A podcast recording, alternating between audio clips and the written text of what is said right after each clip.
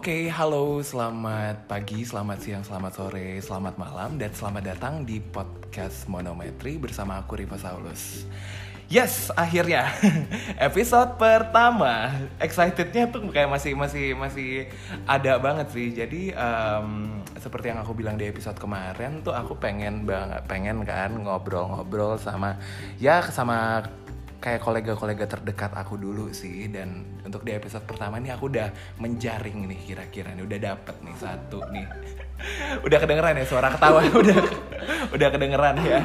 Dan eh, so, gadis ini gadis apa apa nih anaknya. Jadi eh, wanita ini adalah orang yang yang kira-kira aku temu aku kenalan di awal-awal aku baru di Ubud kan waktu itu.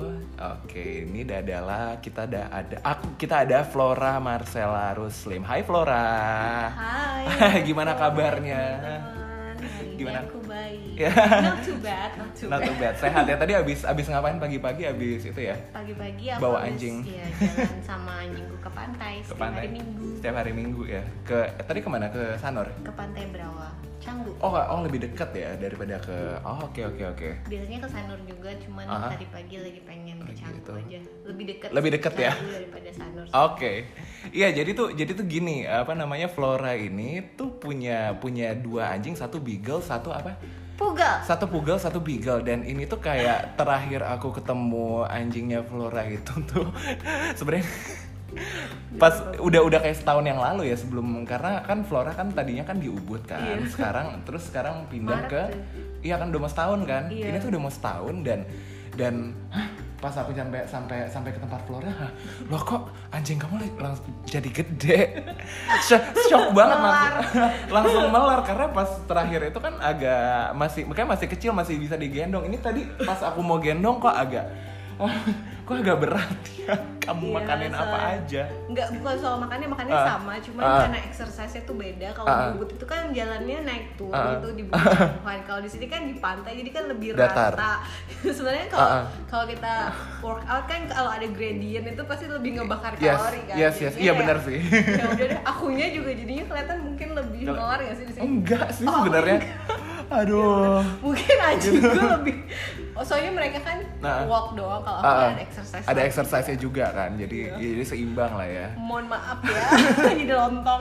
aduh nah iya gitu deh jadi ngobrol ngobrolin itu tapi tentang anjing tapi nggak apa-apa jadi conversation starter yang lumayan lumayan oke lah ya tapi sebenarnya tuh di sini di sini tuh kayak kita pengen ngobrol-ngobrol santai aja tentang kayak Flora apa yang Flora lakukan gitu mungkin sebagai sebagai langsung ketawa gitu nanti jadi kita bisa ngobrol lumayan banyak nih Oke. tapi sebelumnya kan eh, jadi Flora ini emang udah udah kamu udah berapa berapa lama Flo di di Bali berarti Aku di sini ber- kurang lebih tujuh tahun. tujuh tahun ya gila dan dan Dari eh, 2012. tapi sebenarnya tuh jadi tuh gini eh, aku tuh kenal sebenarnya udah tahu seorang Flora Marcella tuh ketika ketika karena kita itu sebenarnya senior junior gitu. Jadi pas iya? jadi kita tuh da- ah, ah, kita tuh satu universitas kita di Bi- kita di Binus sama-sama di iya Nusantara aku udah lupa loh itunya. Apa udah udah lupa Mars. himnanya Marsnya ya. Mars udah himne. kacau udah lupa ini gitu. Jadi tapi kita nggak ketemu di kampus karena ketika Flora lulus aku baru masuk. Oh my Gitu god, kan. ketahuan. Umur. kata-kata enggak enggak enggak juga sih tahun umurnya. aduh nah jadi jadi gitu jadi gitu ke per- awal pertemuan kita eh, awal awal aku taunya seorang Flora Marcella ada karena pas di Facebook itu eh, kita waktu itu kan mutual friendnya lumayan banyak kan ternyata kayak ada. Di situ aku pikir oh dan ternyata tinggal di Ubud nih. Tapi aku belum berani nge-add gitu kan karena aku masih aduh aduh mungkin kakaknya itu. Tapi waktu itu aku juga tahu. Kakaknya apa? kakaknya mungkin galak kali ya. Emang aku kelihatan galak ya? Enggak juga sih, cuma kayak aku aduh aduh segan segan banget dan waktu itu aku nyadarnya Kak eh, Flora ini eh, masih kerja di Jakarta ya waktu itu kalau nggak salah kan sebelum Oh, ke iya. Bali kan.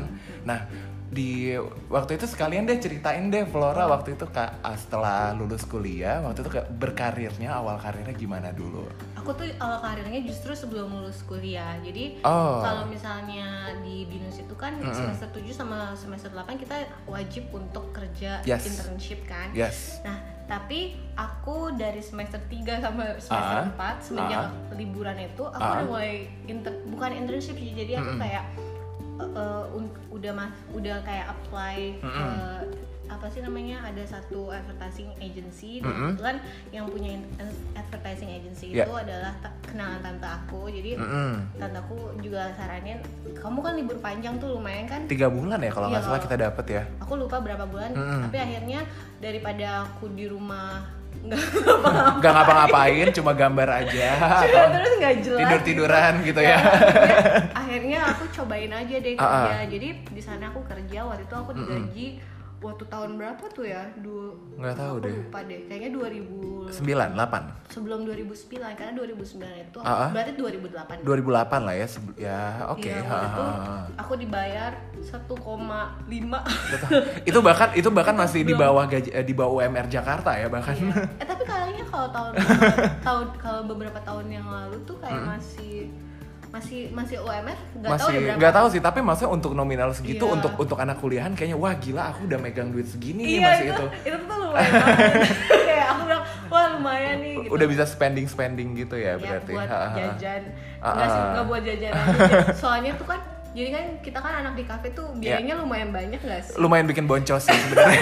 Ngeprint bla bla bla bla bla bla. Cat Dan- poster gitu iya, segala macam. betul. Jadi kan aku juga mikir kayak oh aku mau karena kondisi finance keluarga aku juga nggak bisa Ah, ah. memberikan segala hal yang aku mau jadi aku kayak oh I Harus. think it's a good Ah, thing Ah, ah. jadi jadi aku start early kali ya lumayan sih Jadi- lumayan sih makanya itu Jadi- ini aku baru tahu loh sebenarnya Oh, ha. Jadi aku Menarik nih. start early dan aku di perusahaan itu tuh Mm-mm.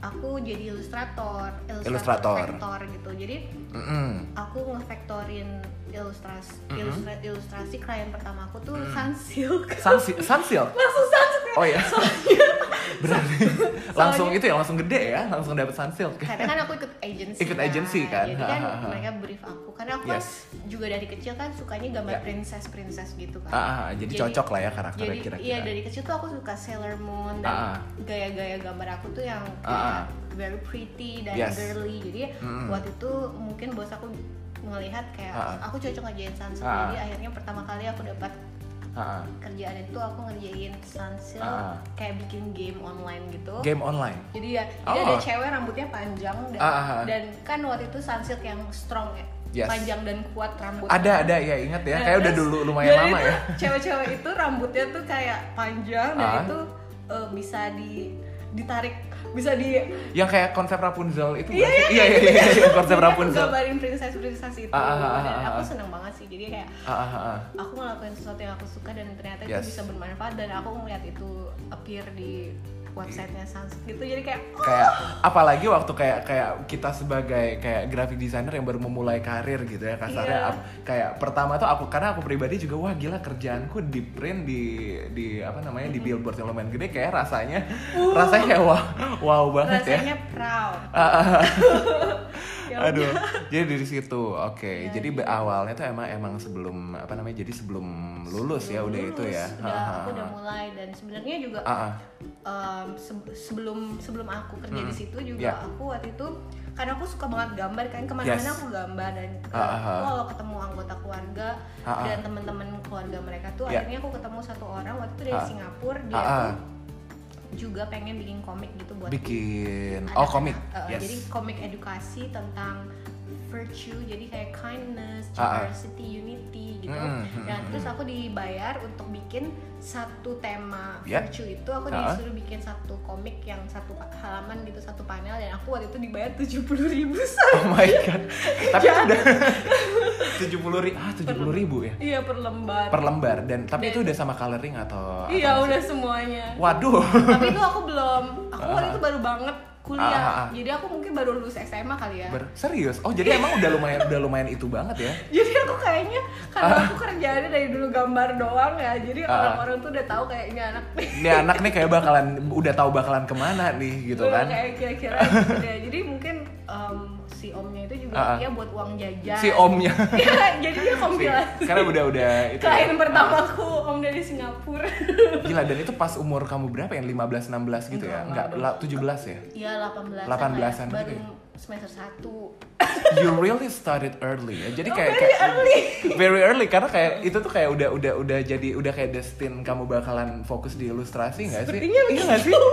karena kayak karena kayak tolak ukur tolak ukur kayak apa yang kita lakukan di industri kreatif tuh kayak sebe- sebenarnya tuh kayak dari yang bisa aku nilai tuh kayak dari klien awal nggak sih? Jadi misalnya nih kalau misalnya aku pertama dapetnya kan food and beverage, terus udah sampai freelance sekarang jadinya F&B terus gitu kan? Jadinya Mungkin ya. iya nggak sih? Takdir. Ah, jadi kan kayak takdirnya dan dan yang terpen dan kalau misal tapi tapi maksudnya kayak kalau misal nggak bu, ilustrasi buku anak-anak Flora tetap tetap itu kan masih masih, Masih membuka terima juga. masih terima Tapi kayaknya aku emang udah punya style, aku lebih yang feminine. Jadi Mm-mm. kebanyakan klien aku tuh kalau misalnya kalau in- kalau nggak anak-anak Mm-mm. itu kayak woman gitu. Women gitu. Nah Aku iya. karena juga mungkin karena perempuan Style. juga. Ah, ah, jadi jadi tuh gitu. Kalau misalnya nanti kita bakalan share portfolio portfolio Flora bisa dilihat ke mana ya.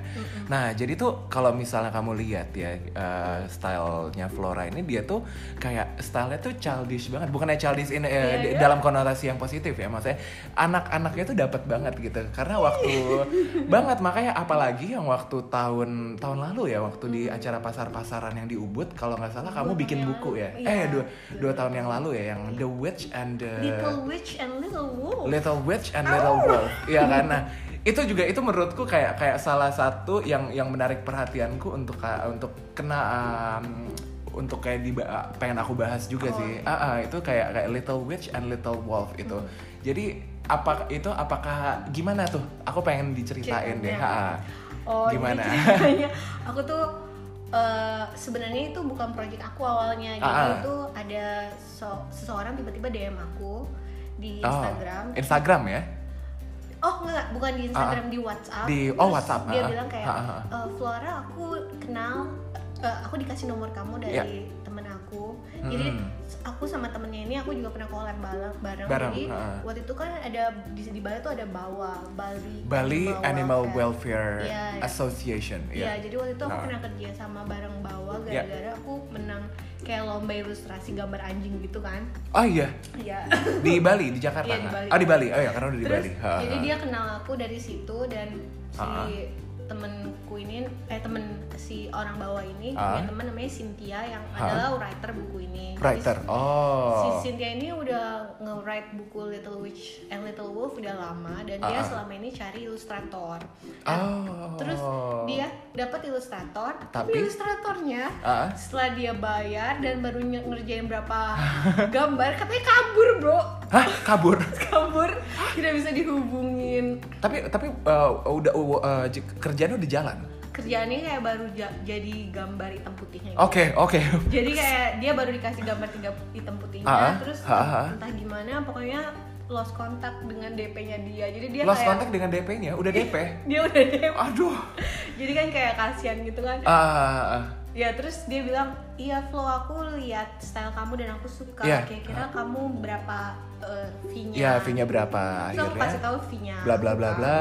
Terus dia bilang, aku nggak mau, nggak mampu, maaf terlalu mahal. karena tapi sebenarnya nggak apa-apa sih. Maksudnya kita sebagai sebagai freelancer itu kayak ya kita pasti tahu gimana cara kita appreciate our service gitu kan. Iya, iya nggak sih? Iya dong, harus. iya harus gitu. Karena ini adalah tips pertama ya. Nanti akan kita bahas juga. Iya, Nah, jadi waktu itu kan aku minta, aku kan normalnya kan emang ilustrasi aku tuh satu ilustrasi A4 itu biasanya Lumayan lah ya. 1,2 lah, Ah, ah, ah. setengah lembar gitu kan. Ha, ha.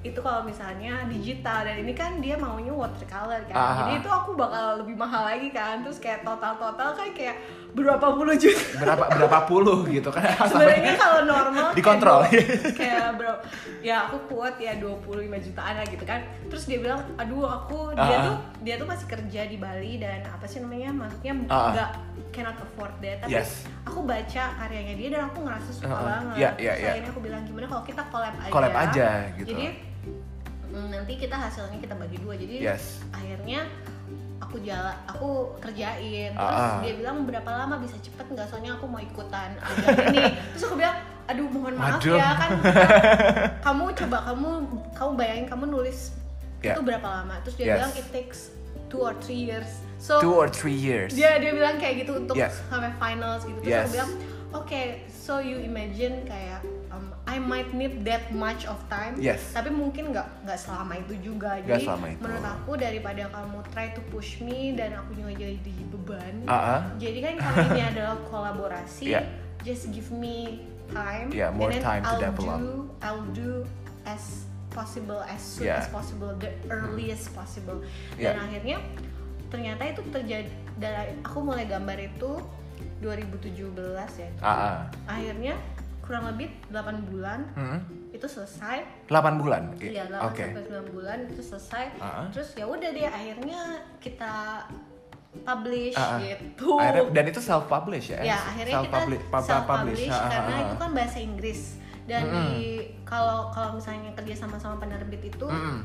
Entah gimana deh karena aku kan juga nggak ngurusin bagian itunya ya Mm-mm. aku Ah, udah ah. aku selesain ininya itu terserah si Cynthia Ah, ah. dia mau gimana publishnya gimana? terus akhirnya dia pilih untuk self publish dan Iya. akhirnya kita ikutan Ubud Writer Festival terus Eh ya waktu itu sempet ya? Iya. Ah, yang Terus- 2017 ya? Iya. 18.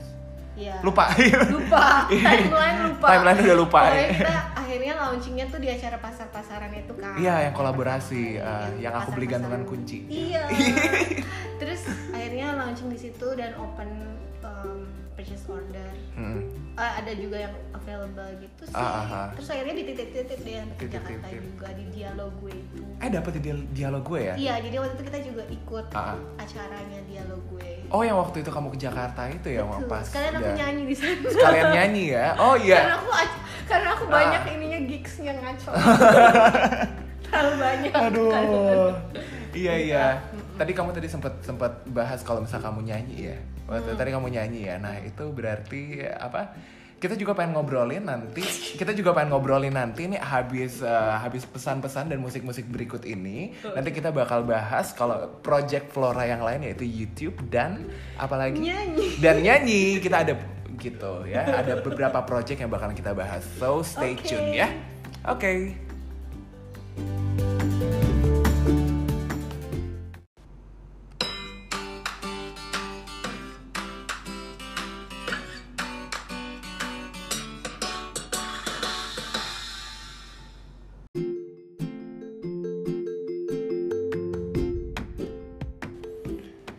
Oke, kembali lagi di Monometri Podcast bersama Rivo Saulus dan Flora Marcella.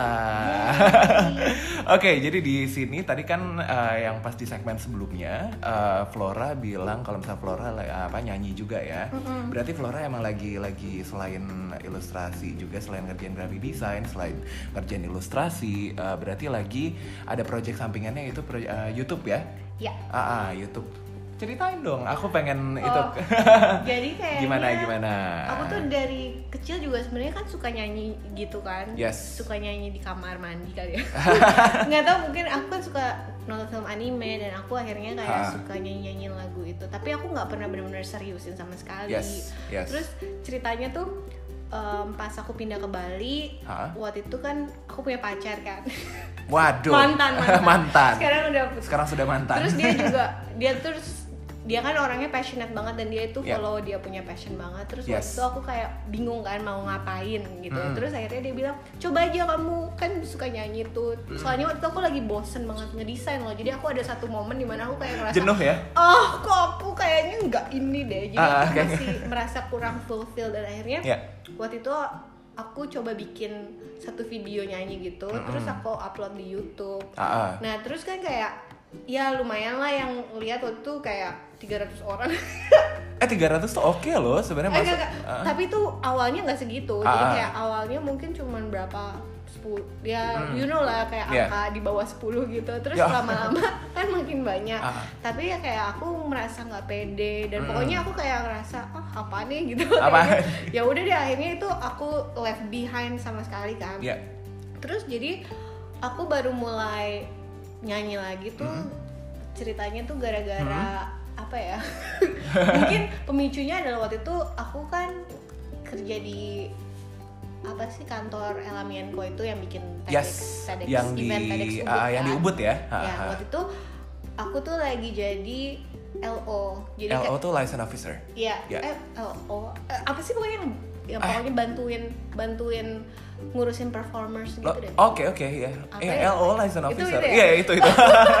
Keta- ketahuan bukan anak event ya. Ketahuan penikmat event iya. penikmat event biasanya aku kan jadi graphic designer doang Ah, ah, kan. makanya sekarang tiba-tiba. aku tiba-tiba kayak aku pengen dong cobain yang Yes. lain terus akhirnya aku jadi LO gitu ngebantuin jadi asisten LO Jadi, di sini. ya, Terus ah. waktu itu kan salah satu performersnya itu kebetulan adalah Mas Ian Joshua ah, ah. yang dari zat kimia itu loh Zat kimia tahu tahu tahu tahu. Kan? Ah, Nah ah. terus kan waktu itu kan aku jadi asistennya dia lah. Pokoknya aku megangin barang Ah. barang-barang backstage-nya dia terus kayak Iya. terus aku ngobrol gitu. Yes. Terus apa namanya? Aku bilang aku juga suka nyanyi nih mas terus dia bilang oh ya kamu Ah. punya band enggak belum Ada ada iklan. Ada ini itu Maxi apa Papito? Papito Papito ya. kedengeran gak sih Kayaknya kedengeran kecil-kecil Oh, lah. iya. Ya Ya nggak apa-apa. terus, akhirnya ngobrol-ngobrol gimana terus Ah.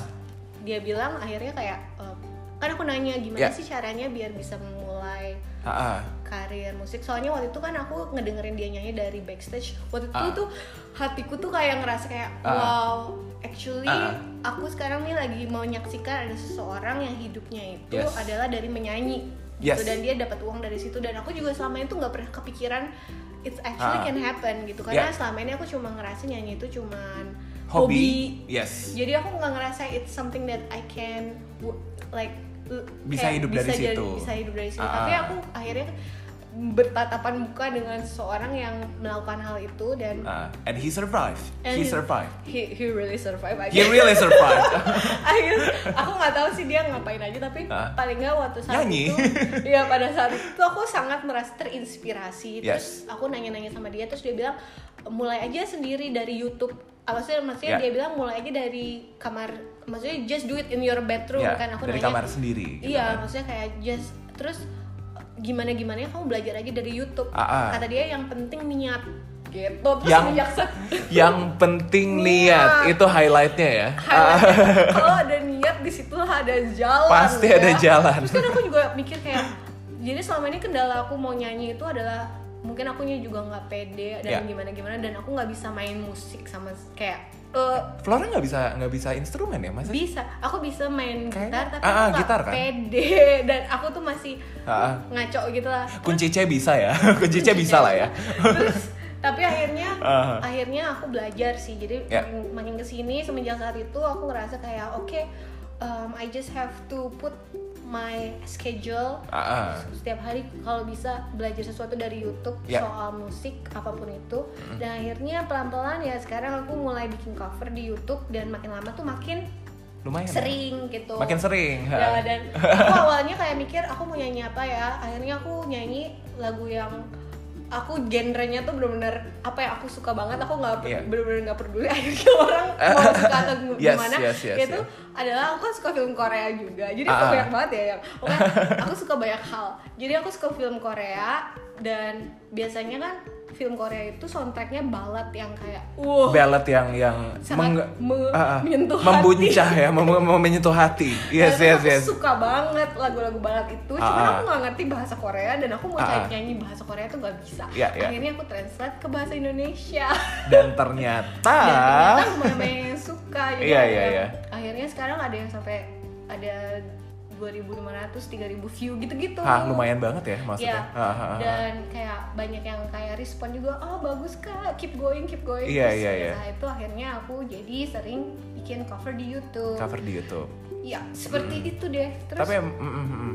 tapi tadi yang kayak itu menarik sih maksudnya kayak tadi kayak Flora, Flora bilang eh, kalau misalnya akan lebih baik kalau misalnya kita melakukan sesuatu apa yang kita suka gitu kan jadi kayak jadi kayak sebenarnya kamu mulai YouTubemu yang nyanyi ini tuh kayak ya udah aku ya udah aku suka Korea ken- emang kenapa gitu kan Iya aja. iya gak sih Iya, soalnya kan Ah, ah, ah. kita tuh kadang-kadang suka ngerasa kejudge. Ah, ah, ah. Ya, you know kayak kalau misalnya suka K-pop tuh rasanya nggak keren. kayak atau- kurang keren deh kayak ini atau- apa sih atau kayak, gitu iya iya iya Kayak mungkin kalau terutama untuk orang-orang artistik yang Iya, kayak ha. designer, Yes. pokoknya yang yang seperti itu anak-anak kreatif Hmm, hmm. kayak mereka aku nggak tahu ya cuman kebanyakan merasa kayak kita harus hipster kita harus beda kita tuh harus dengerin lagu-lagu yang Sometimes, didengar yang nggak didengar orang mainstream Yes, yes, jadi yes, yes. kayak kebutuhan untuk jadi hipster gitu dan Ah, ah. ada jadi nge- ngekotak-kotakin mainstream sama hipster nah terus aku dulu tuh sempet juga kayak oh I want to listen to like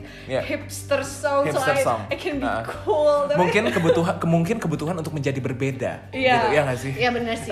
itu juga. Tapi, Tapi- akhirnya setelah aku pikir-pikir, this is who I am gitu Iya, loh. ah, This is ah. what I like and I don't want to be ashamed. yes Karena pendapat orang, Orang lain tuh kayak gimana Dan gitu akhirnya kan. menurut aku baik itu lagu hipster, lagu Ah. indie, lagu apa pun itu kayaknya yang penting bikin kamu happy. Ah. I don't really care actually. I know karena karena sebenarnya karena sebenarnya karena sebenarnya yang penting kita happy dulu karena kalau misalnya kita happy kita maksudnya karena kita emang pekerja kreatif gitu kan maksudnya kalau misalnya kita happy t- eh, terus kita tuangkan itu ke kerjaan kita dan aku pribadi sih aku yakin kayak audiensku pasti bakalan pasti bakalan ngerespon dengan positif juga nggak sih Iya. kan Ha, ha, ha, ha. Jadi kitanya sincere jadi diri kita sendiri aja sih sebenarnya Iya, intinya iya. Bukan soal sukanya apa tapi Ah, ah, kayak is that really me gitu Iya, kan, iya, iya, kayak itu- gitu itu sih. Oh. Jadi ya nggak apa-apa juga kalau emang ada orang yang sukanya lagu folk indie atau Iya, ha, ha. lagu apa pun Rock segala macam ya nggak masalah Iya, gitu nggak kan. masalah yang penting ah. itu benar-benar sesuatu yang kamu suka bukan Ah. kamu ikut-ikutan supaya kelihatan keren Ah, gitu ah, ah. Iya iya iya berarti emang berarti emang Flora ini sebagai kayak sebagai pekerja kreatif emang emang aware banget dengan eh, apa namanya happiness state di diri kamu gitu ya. Ya harus, Ah, harus karena ya. kalau misalnya kita nggak peduli sama our emotional health, Yes.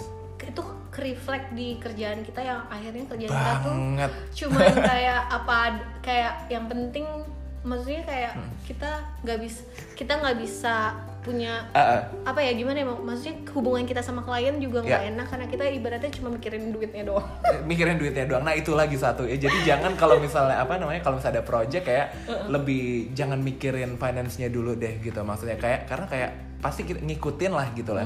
Pasti ngikutin sih. iya Ah, ah, ah, ah. Jadi pertama menurut aku kalau nyari Ya. klien itu kita harus tertarik dulu secara tulus sama projectnya. Ah, ah. Iya sih itu juga sih. itu Karena- yang aku belajar sih. Iya. Ah, ah. Oke oke. Jadi tadi apa namanya? Jadi berarti di YouTube sekarang nggak nyanyi doang kan ya berarti ya? Iya. Ada ada yang lain kan ya? Bener, sekarang Nah. soalnya gara-gara gini Jadi ceritanya kan di Youtube itu selama ini kan cover Terus Yes. Youtube kan baru bikin upgrade baru gitu kan Dan Yang sekarang YouTube Studio itu ya? Iya? YouTube Ah. Studio dan di YouTube Studio itu sekarang kalau misalnya kita baru nge-upload sesuatu Ya. mereka akan langsung uh, matchingin sama kalau itu udah ada Ha-ha. punya orang lain jadi kayak ada copyrightnya gitu loh Eh aku nggak tahu loh itu. Nah Iya sekarang, ya? iya jadi kemarin aku nge-cover lagu by Keisha Cole, judulnya Keisha, Love iya. gitu kan. Terus pas aku upload, Tahu, ah, ah. langsung aku dapat pesan Ya. kayak ini adalah ada copyrightnya dan aku Ya. tuh nggak bisa upload lagi sekarang. Ya. Kecuali kalau ah. misalnya aku punya license, kan dia bilang jadi kalau misalnya sekarang kita harus punya license untuk Mm-mm. cover lagu. Untuk cover lagu. Oh, Jadi kita wow. udah nggak bisa, iya. Jadi udah nggak bisa lagi kayak benar-benar next level ya berarti sekarang iya, ya. jadi Ah, ah, ah. jadi apa? Aku harus punya license yang proper dan aku Iya. coba cari license-nya. Mm-mm. Mungkin dia jadi aku harus ngontek seseorang, tapi Ah. akhirnya aku nggak lakuin. Akhirnya aku drop aja karena aku kayak, ah, I think it's easier for me to Iya. just upload my own song. iya ya.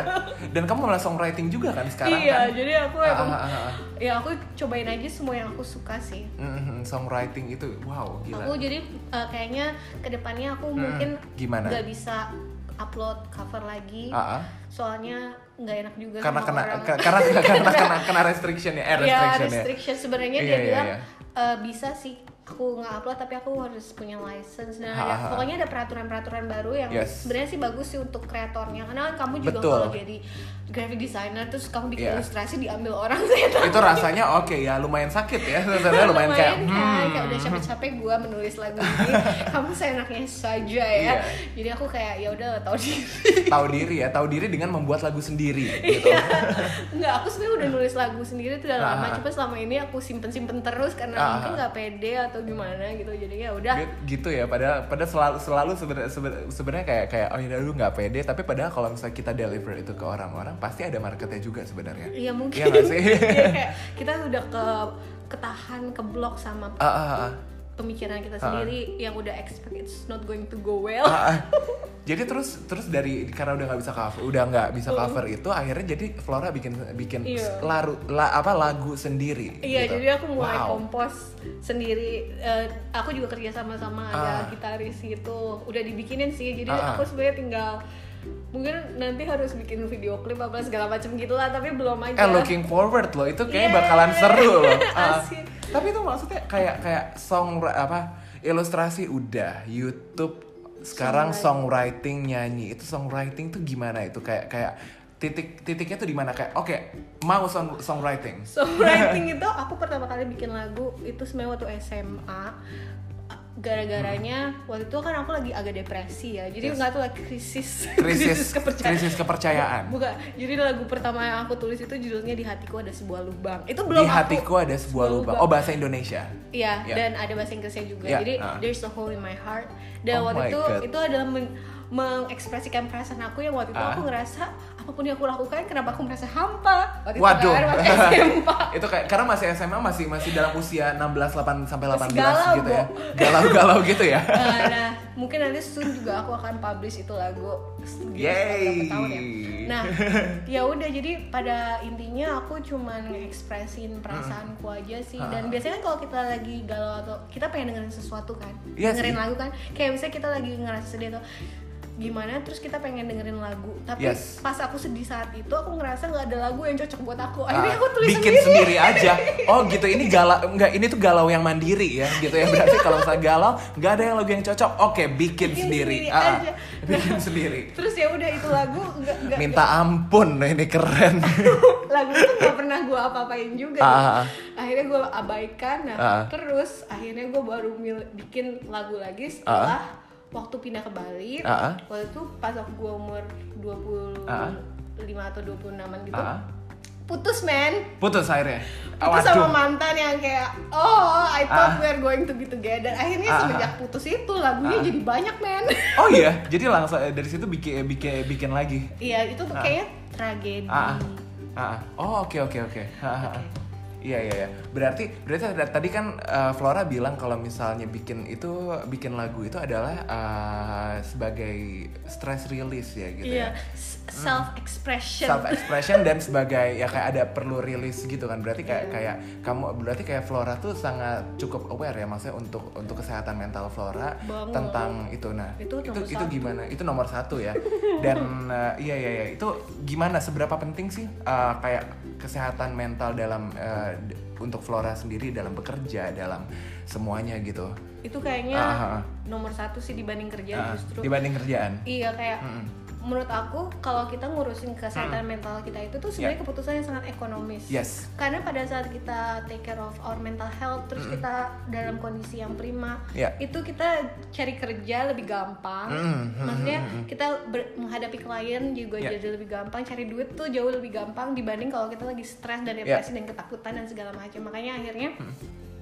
memang di Indonesia ini kan belum banyak orang yang merasa untuk spend money di mental health itu. Yes yes yes. Jadi kita bisa spend money berapa juta untuk benerin gigi, untuk pergi. oh ya. ha.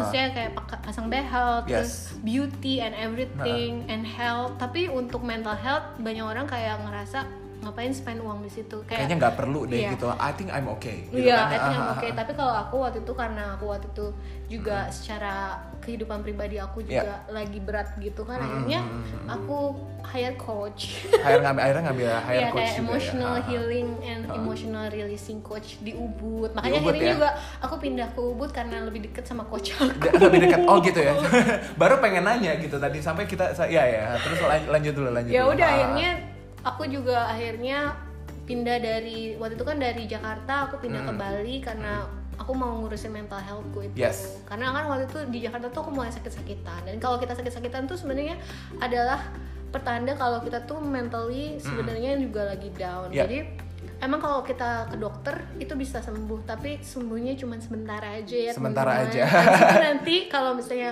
mental healthnya nggak diurusin nanti dia sakit lagi Nanti jadi dia aku sakit kayak lagi. akhirnya aku memutuskan untuk oke I have to also take care of mental health dan Ya. change my lifestyle ya pindahlah aku ke Bali terus di Bali aku ketemu sama coach ini terus akhirnya ngobrol-ngobrol aku Yeah. mela- melakukan berbagai perubahan dalam gaya hidup aku mulai dari Yeah. makanan terus exercise macam-macam sih Mhm. dan akhirnya aku memutuskan untuk ikut bayar dia Mm-mm. dan aku dapat session gitu waktu itu seminggu dua kali yang. Seminggu dua akhirnya kali. aku pindah ke Ubud karena dia rumahnya di Ubud kan jadi aku Yeah. tadinya bolak-balik lumayan capek ya maksudnya. Lelah. Walaupun memang kalau misalnya kalau misal kamu tinggal di Bali kan ya Iya, dibanding di. Jakarta sih emang kayak dalam jangka dalam apa namanya dalam jangka waktu satu jam itu memang kita bisa dari Denpasar eh apa namanya dari Canggu ke Ubud itu emang bisa di Bisa. dalam jang apa dalam jarak tempuh segitu cuma ya kadang-kadang oh cuma cuaca gitu kan ah, dan mood, mood kamu itu loh jadi dan kayak kadang-kadang moodnya kayak kayak mood swing juga gitu kan kalau walaupun Iya. Dan, Iya, iya. dan you know kan Ubud is very nice juga it's really nice to be honest Uh, untuk untuk healing Untuk gitu healing kan. gitu. jadinya ya ya udah akhirnya di Ubud itu aku Ah. mencari klien yang benar-benar part time aja part time ha. jadi aku cari klien yang part time yang aku bisa support hidup aku Mm-mm. terus eh, aku cuma kerja waktu itu dua hari dua hari dua hari per, minggu. terus eh, aku dibayar yang cukup untuk aku makan sama bayar rumah aja. Oh my wow. Tapi jadi lima harinya itu aku benar-benar cuman bengong. Tapi tapi itu menurutku tuh itu Healing. itu brave itu brave banget loh maksudku kayak Yeay. knowing that knowing that kita sama-sama freelancer gitu kan. Kayak kayak untuk untuk kerja dua dua hari seminggu itu maksudku itu oh brave juga ya karena kadang-kadang tuh aku tuh ada tendensi untuk sedikit sedikit kayak worry sedikit cemas kalau misalnya nggak ada kerjaan gitu loh Itulah yang akhirnya iya aku sih? hadapin. iya nggak sih Iya. makanya jadi tapi tapi gimana kamu how you overcome that pasti pertamanya juga aku kan nggak terbiasa kan Iya. jadi kayak aku ketakutan of not not having to do anything you know Sama itu ya. ada anxiety dan worry-nya Yes, tapi kan yes. lagi-lagi penyebab anxiety sama worry Ah, ah. kenapa kita harus merasa guilty pas Ah. kita nggak ngelakuin apa-apa itu lagi-lagi kan dari conditioning kita waktu masih kecil kan Iya, iya. jadi itunya yang akhirnya pelan-pelan uh, sama coach aku diajarin gimana Iya. caranya aku dealing sama perasaan guilty itu Yes, yes. merasa nggak nyaman karena Ah. nggak ngapa-ngapain Iya. kan langsung keinget kayak ntar dimarahin gitu Ah, loh. pas traumanya langsung pas kayak, kayak traumanya kemba- muncul balik gitu semua kayak, gitu kamu ya. ngapain bengong Ah, ah. aja bukannya bantuin gitu gitu Waduh. langsung keluar gitu kata-kata ya di dalam Ah, ah, kepala kita sendiri Kepala kita sendiri, iya. kayak old broken record play again broken record play. over and over again Ah, nah ah. itulah yang akhirnya selama di Ubud itu aku belajar caranya untuk dealing sama anxiety, Yes. worry dan difficult emotions. Difficult emotion. Tapi sekarang so far, so far gimana perubahan So perubahannya? far so good sih. So far so good Jadi banget ya. eh, setelah aku kurang lebih tiga tahunan di Ubud, Tiga tahun ya Flora ya? ya di Ubud tiga, ya? tiga tiga setengah tahun. Tiga setengah ya. Jadi tadinya aku cuma bisa kerja dua hari per Ah. minggu, hmm, akhirnya jadi tiga hari per minggu. Ah, ah, Karena waktu itu secara emosi aku udah lebih stabil. Udah lebih stabil ya? Jadi jadi kalau aku udah tenang, baru aku berani pakai waktu aku untuk Yes. Ini apa untuk kerja ambil Untuk klien kerjaan, lagi. Kla- untuk untuk ambil klien yang lebih mungkin porsinya lebih banyak dan gitu kan. eh, juga projectnya kan lebih complicated kan. Yes, itu Terus, dia. iya dan akhirnya juga makin kemari ya akhirnya aku kayak udah lebih dalam mental health yang lebih healthy gitu Hmm. Yes, yang ah. mana aku udah bisa dealing daily jadi, jadi sekarang aku udah kerja hmm, kalau untuk desain aku sekarang tetap kayak tiga hari sih Dan tiga hari. tiga, Iya. tiga sampai empat hari lah. Efektif sih. ha. terus sisanya aku ngelakuin apa yang aku suka. Yang kayak project Yes, nyanyi yes, yes. YouTube terus belajar hal baru ngelukis. Hmm, ngelukis ya? Mana tadi yang kamu liatin aku ya? Itu oh my god. Iya, project kalau misalnya kalau itu project rahasia jadi nanti akan itu juga ya. Ya sebenarnya kan melukis itu ilustrasi nggak sih? Ilustrasi juga, Cuma masih kan dalam- beda media aja. beda media aja. Eh seru banget. Oke jadi eh, iya jadi gitu. Nah next time tadi, eh, tadi kan kita eh, Flora Flora bilang tadi berarti Flora emang full time freelancer ya sekarang ya? Freelance. Freelance. Oke jadi eh, kita bakalan break dulu sebentar. Nanti di segmen selanjutnya kita bakalan karena eh, Flora ini emang ya lebih lama dari aku dan nggak cuma buat eh, aku juga pengen aku pribadi juga pengen tahu kayak tips-tips untuk menjadi freelancer ala Flora Marcella. Oke. Oke, sampai sedikit lagi sampai ketemu sedikit lagi. sedikit lagi. sedikit lagi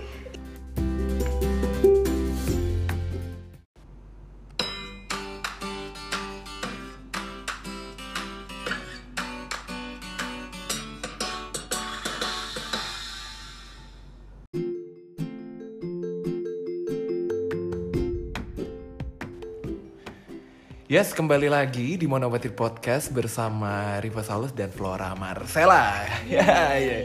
Jadi tadi terakhir kan yang saya yang sebelumnya tadi Flora bilang uh, freelancer kayak freelancer graphic designer kan. Nah, itu dia. Nah, jadi tuh uh, karena aku sendiri aku juga freelance juga uh, tiga tahun ke belakang, tapi nah Flora ini udah jadi totalnya kamu freelance tuh berapa lama, Flo? Dari Dari- 2000 dari 2008 berarti. Dari ya? 2008 kan? Iya. Ini tuh kayak kalau misalnya bisa dibilang nih dedengkotnya gitu lah. kalau misalnya makanya karena karena kayak aku juga pengen tahu ya gini karena aku melakukan apa misal aku melakukan freelance dengan cara aku mungkin bisa beda dengan caranya Flora gitu kan. Nah kira-kira nih aku juga pengen nggak cuma aku doang pasti yang denger juga pasti pengen tahu kan yang mungkin sekarang kayak uh, lagi kerja mungkin lagi kerja kantoran atau lagi kerja di studio terus lagi mungkin lagi jenuh gitu dan ada kepikiran untuk jadi freelancer karena uh, waktu itu sempat ada beberapa dua tiga orang gitu. Nggak banyak sih aku bukan influencer juga. Kayak ada beberapa orang yang yang apa nanya gitu kan kayak kak uh, Mas Rivo gimana nih? Apa nama aku pengen banget jadi freelance pengen banget jadi freelancer.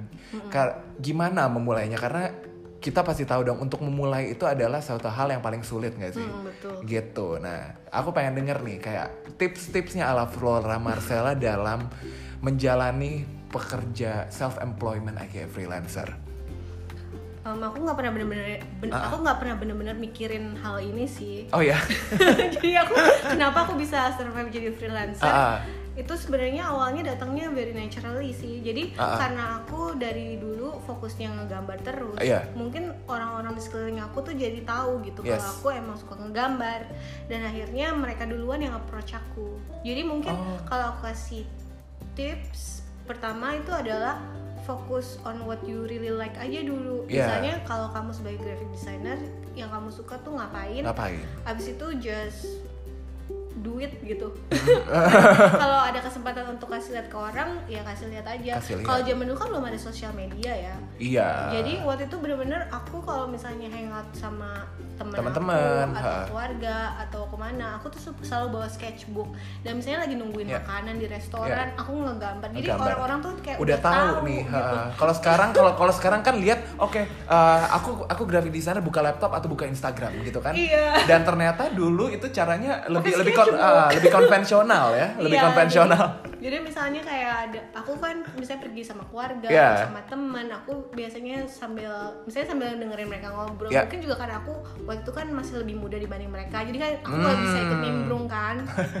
jadi mungkin sebenarnya just show your work. Show your sih. work dulu aja sih Bisa maksudnya. dari mana aja. Kalau aku kan Ah. waktu itu ya ya udah dari sketchbook aku sama om tante aku dilihat Ah, ah, gitu kan. Jadi mungkin itu kali ya build portfolio. build portfolio dulu dan show your work dan karena Iya. kayak uh, yang aku yang aku lihat itu Flora ini spesifik banget gitu ya Hmm. karena Flora ini udah tahu ka- kalau Flora suka gambar dan Flora suka gambar dengan style anak-anak gitu ya jadi Iya. kayak atau princess. atau princess gitu kan atau jadi bunga-bungaan. jadi kayak kalau eh, in short kayak kalau misalnya kita narrow eh, kita Hmm. sempitkan itu jadi mungkin be specific of what kind of service you Iya. you could offer to your target audience gitu kan Iya Ah, dan ah, ah, mungkin juga kayak kayak bener-bener itu bakal tercermin Iya. jadi bener-bener jadi diri kita sendiri sebenarnya Hmm, awalnya iya. mungkin kayak kayak style aku kan waktu itu kan very girly gitu kan Banget, very iya, iya. girly very apa gitu akhirnya juga klien-klien yang aku track yang pertama kan jadi Sunsil Ah, ah, gitu Sunsil. abis itu direct test ah, ah. ngerti gak sih jadi kan kayak ibaratnya orang tuh bisa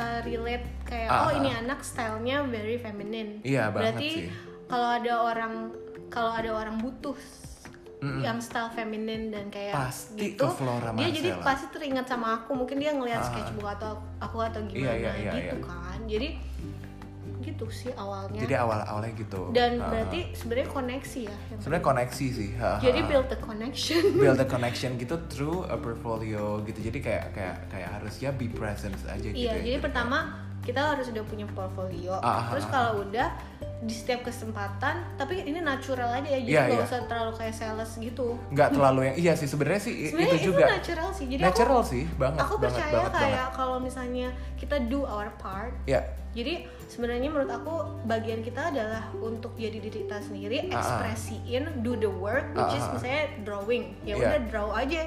Terus kalau sekarang kan gampang tuh bisa taruh di Instagram. Banget ya ya kan? Atau kalau kamu bawa sketchbook ke mana-mana terus kalau misalnya uh, kalau misalnya ada kesempatan untuk ketemu orang ya ketemu orang terus ngobrol, Ngobrol. dan natural aja dan kita juga nggak harus maksain kalau orang itu nggak tertarik nggak usah ngelanjutin ngobrol Nggak apa-apa juga, ah, ah, jadi Maksudnya kayak- just just be you at, at every Ah. kesempatan dan biasanya dari situ Mm.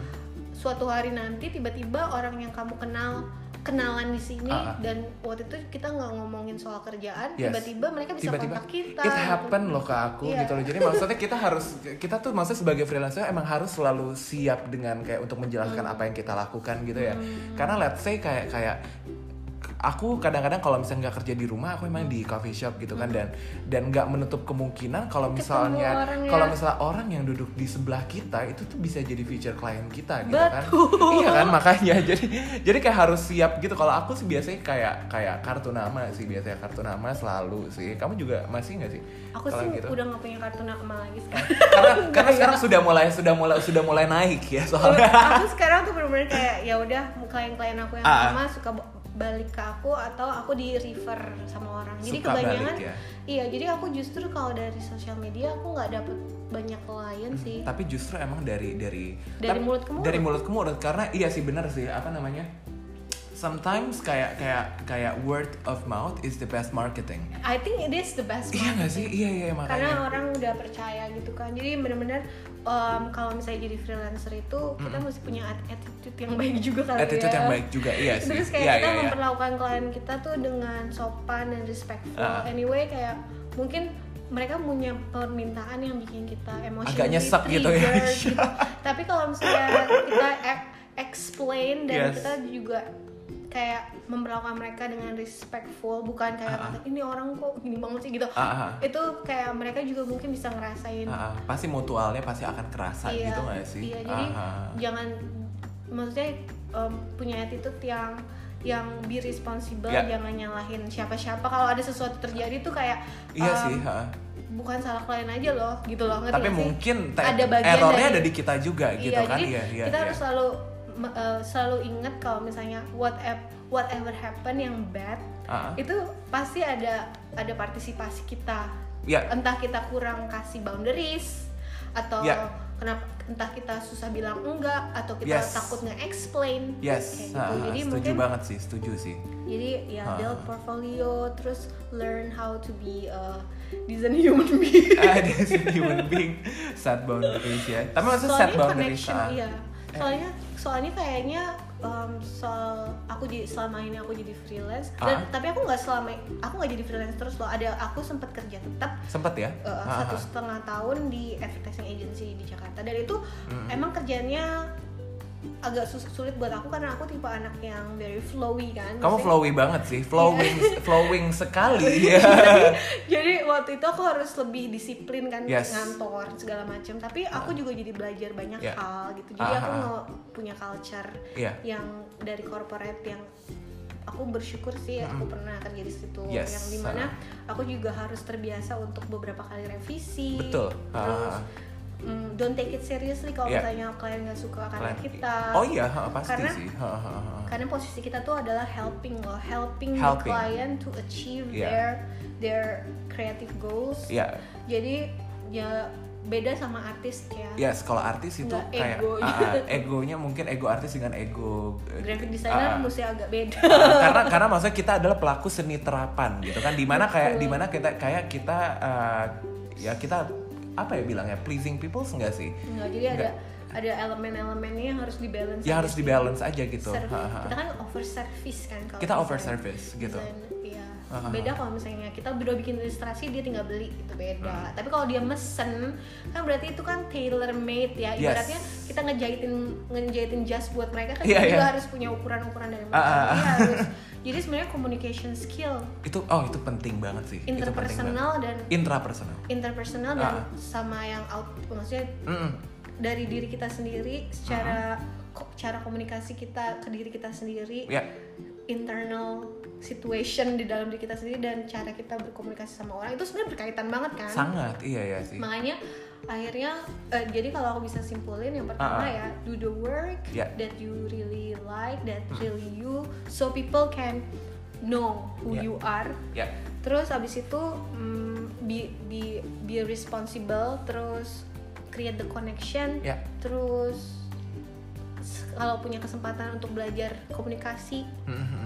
itu Sangat duit diperlukan ya. duit Sangat diperlukan ya. iya biasanya eh, seminar apalah oh aku waktu itu pindah ke Bali pertama kali aku ikut Toastmaster Toastmaster. Ya, ya, ya, ya. Ya itu kan public speaking jadi ada beberapa hal yang bisa aku pelajari juga dari sana Iya, iya. karena kita dealing sama human being Human being uh, dan so kita it's important abis itu sisanya tuh kita ya pasrahkan kepada yang di atas aja ya pasrahkan kepada yang di atas. karena iya sih itu sih, orang itu sih. rezeki orang tuh Nggak udah ada yang tahu ya, dan udah ada yang ngatur udah ada yang ngatur dan pasti aku percaya rezeki kita nggak bakal ketukar. iya. Gitu kan? Soalnya kalau misalnya toh juga aku tiga tahun sih puji syukur bertahan. Puji syukur bertahan apalagi Kavlo udah udah beberapa tahun. udah beberapa tahun lebih lama dari aku dan sangat bertahan dan sekarang udah ada tanggung jawab untuk membesarkan dua anak. anak yang besar besar dua anjing yang aku kaget barusan. Aduh seru banget sih. Aduh senang banget sih ngobrol sama Flora sih hari ini. Yeah Aduh, eh terakhir nih aku kayak semacam uh, apa namanya uh, dari based on based on the conversation kita yang tadi, aku tuh kayak pengen pengen uh, nanya, pengen Flora memilih singkat itu semacam ya apa yang lucu lu yang seru-seruan aja. Jadi aku ada empat ada empat konteks yang akan ada A versus B, A versus B. Oke. Gitu-gitu nanti coba coba ya. Coba, Flora pilih apa? Gitu ya. Oke, eh, yang pertama Flora Marcella. ya Eh, vector atau watercolor? watercolor Oke, branding atau buku anak-anak? Nah lo, I love both oh tapi kalau disuruh pilih aku Ah, pilih buku anak buku anak-anak ya. Oke, next, eh, desain atau musik? My god Aku nyebel, aku nyebelin. nih. Aku emang ngasih pilihan yang lumayan nyebelin. aku nggak bisa milih ini Nggak bisa milih. aku milih both Milih both. Oke, bisa diterima. Dan yang terakhir, yang terakhir kayak mungkin eh, ini Bali atau Jakarta? Bali that's very quick Aduh, oke. Flora Marcella Ruslim, thank you banget udah mampir di Monometri Podcast di episode Senang pertama. Ya ampun, aku appreciate banget waktunya. Semoga uh, plan-plan, semoga sukses terus. Plan-plannya ke depan uh, uh, lancar dan rezekinya juga lancar. Semoga happy Amin. terus, itu yang paling penting. Amin. Semoga Revo juga lancar monometri dan kerjaannya. Amin. Aduh, oke. Yes, jadi kayak gitu uh, obrolan aku sama Flora Marcella. Um, yes, jadi kalau misalnya semoga bermanfaat buat bagi uh, untuk kamu yang dengar dan itu dulu mungkin episode kali ini dan terima kasih sekali lagi yang udah ngedengerin dan sampai jumpa di Sampai. podcast berikutnya. Yay, bye for now.